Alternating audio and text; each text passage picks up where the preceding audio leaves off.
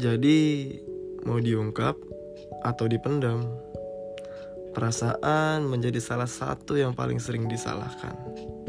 Marah salah, sedih salah, suka salah, sayang pun salah.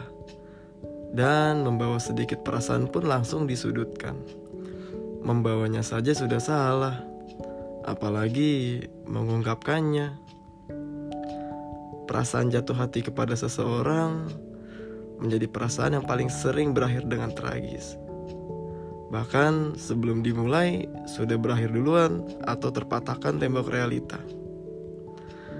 Banyak perasaan yang hanya bisa dipendam dalam-dalam, ditutup rapat-rapat, hanya karena takut tak terbalaskan.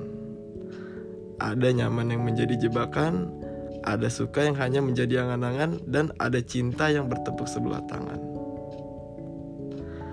Ada yang sudah diungkap, lalu malah terperangkap di zona yang mengambang tanpa kejelasan. Sebuah perasaan dianggap salah ketika tak terbalaskan. Salahkan saja ekspektasi kita, salahkan dia. Karena dia telah memaksa kita untuk terus menaatinya.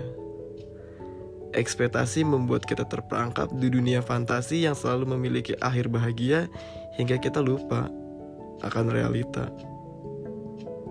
Tidak semua perasaan harus mendarat di ekspektasi. Mungkin kita harus berlatih gagal agar menerima kenyataan. Jadi, perasaanmu tidak salah, hanya ekspektasimu saja yang tak terarah.